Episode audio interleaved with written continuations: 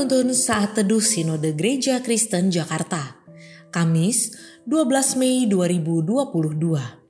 Judul Renungan, Melawan Kebenaran, diambil dari Nats 2 Timotius 3 ayat 8. Sama seperti Yanes dan Yambres menentang Musa, demikian juga mereka menentang kebenaran.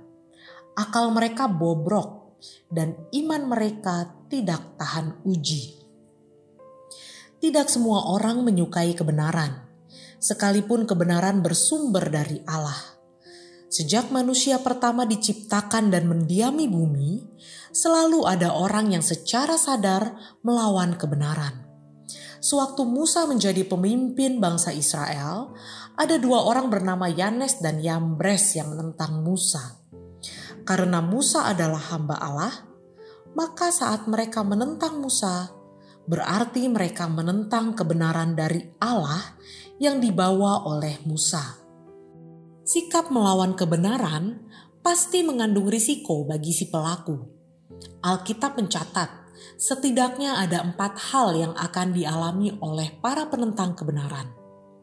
Akal menjadi bobrok, iman tidak tahan uji, kualitas hidup yang tidak akan maju atau stagnan, bahkan berpotensi melakukan hal-hal yang bodoh secara gamblang di depan publik.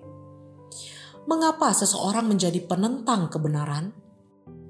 Kondisi itu terjadi ketika seseorang memungkiri kekuatan dari ibadah. Memungkiri kekuatan ibadah juga berarti mengingkari kuasa kebenaran firman Tuhan yang sampai hari ini terbukti mengubahkan kehidupan manusia menjadi lebih baik. Jika penentang kebenaran mengalami empat hal buruk di atas, maka orang yang menerima dan menerapkan kebenaran akan mengalami hal yang sebaliknya. Akal budi yang semakin tercerahkan, iman yang tahan uji, kehidupan yang semakin berkualitas, dan hikmat yang semakin nyata di depan semua orang. Melihat berkat yang Tuhan sediakan, sebaiknya kita perlu waspada dan menjaga diri supaya jangan sampai kita menjadi orang yang melawan kebenaran. Melawan kebenaran akan membuat kehidupan menjadi lebih buruk. Kiranya Tuhan memampukan kita.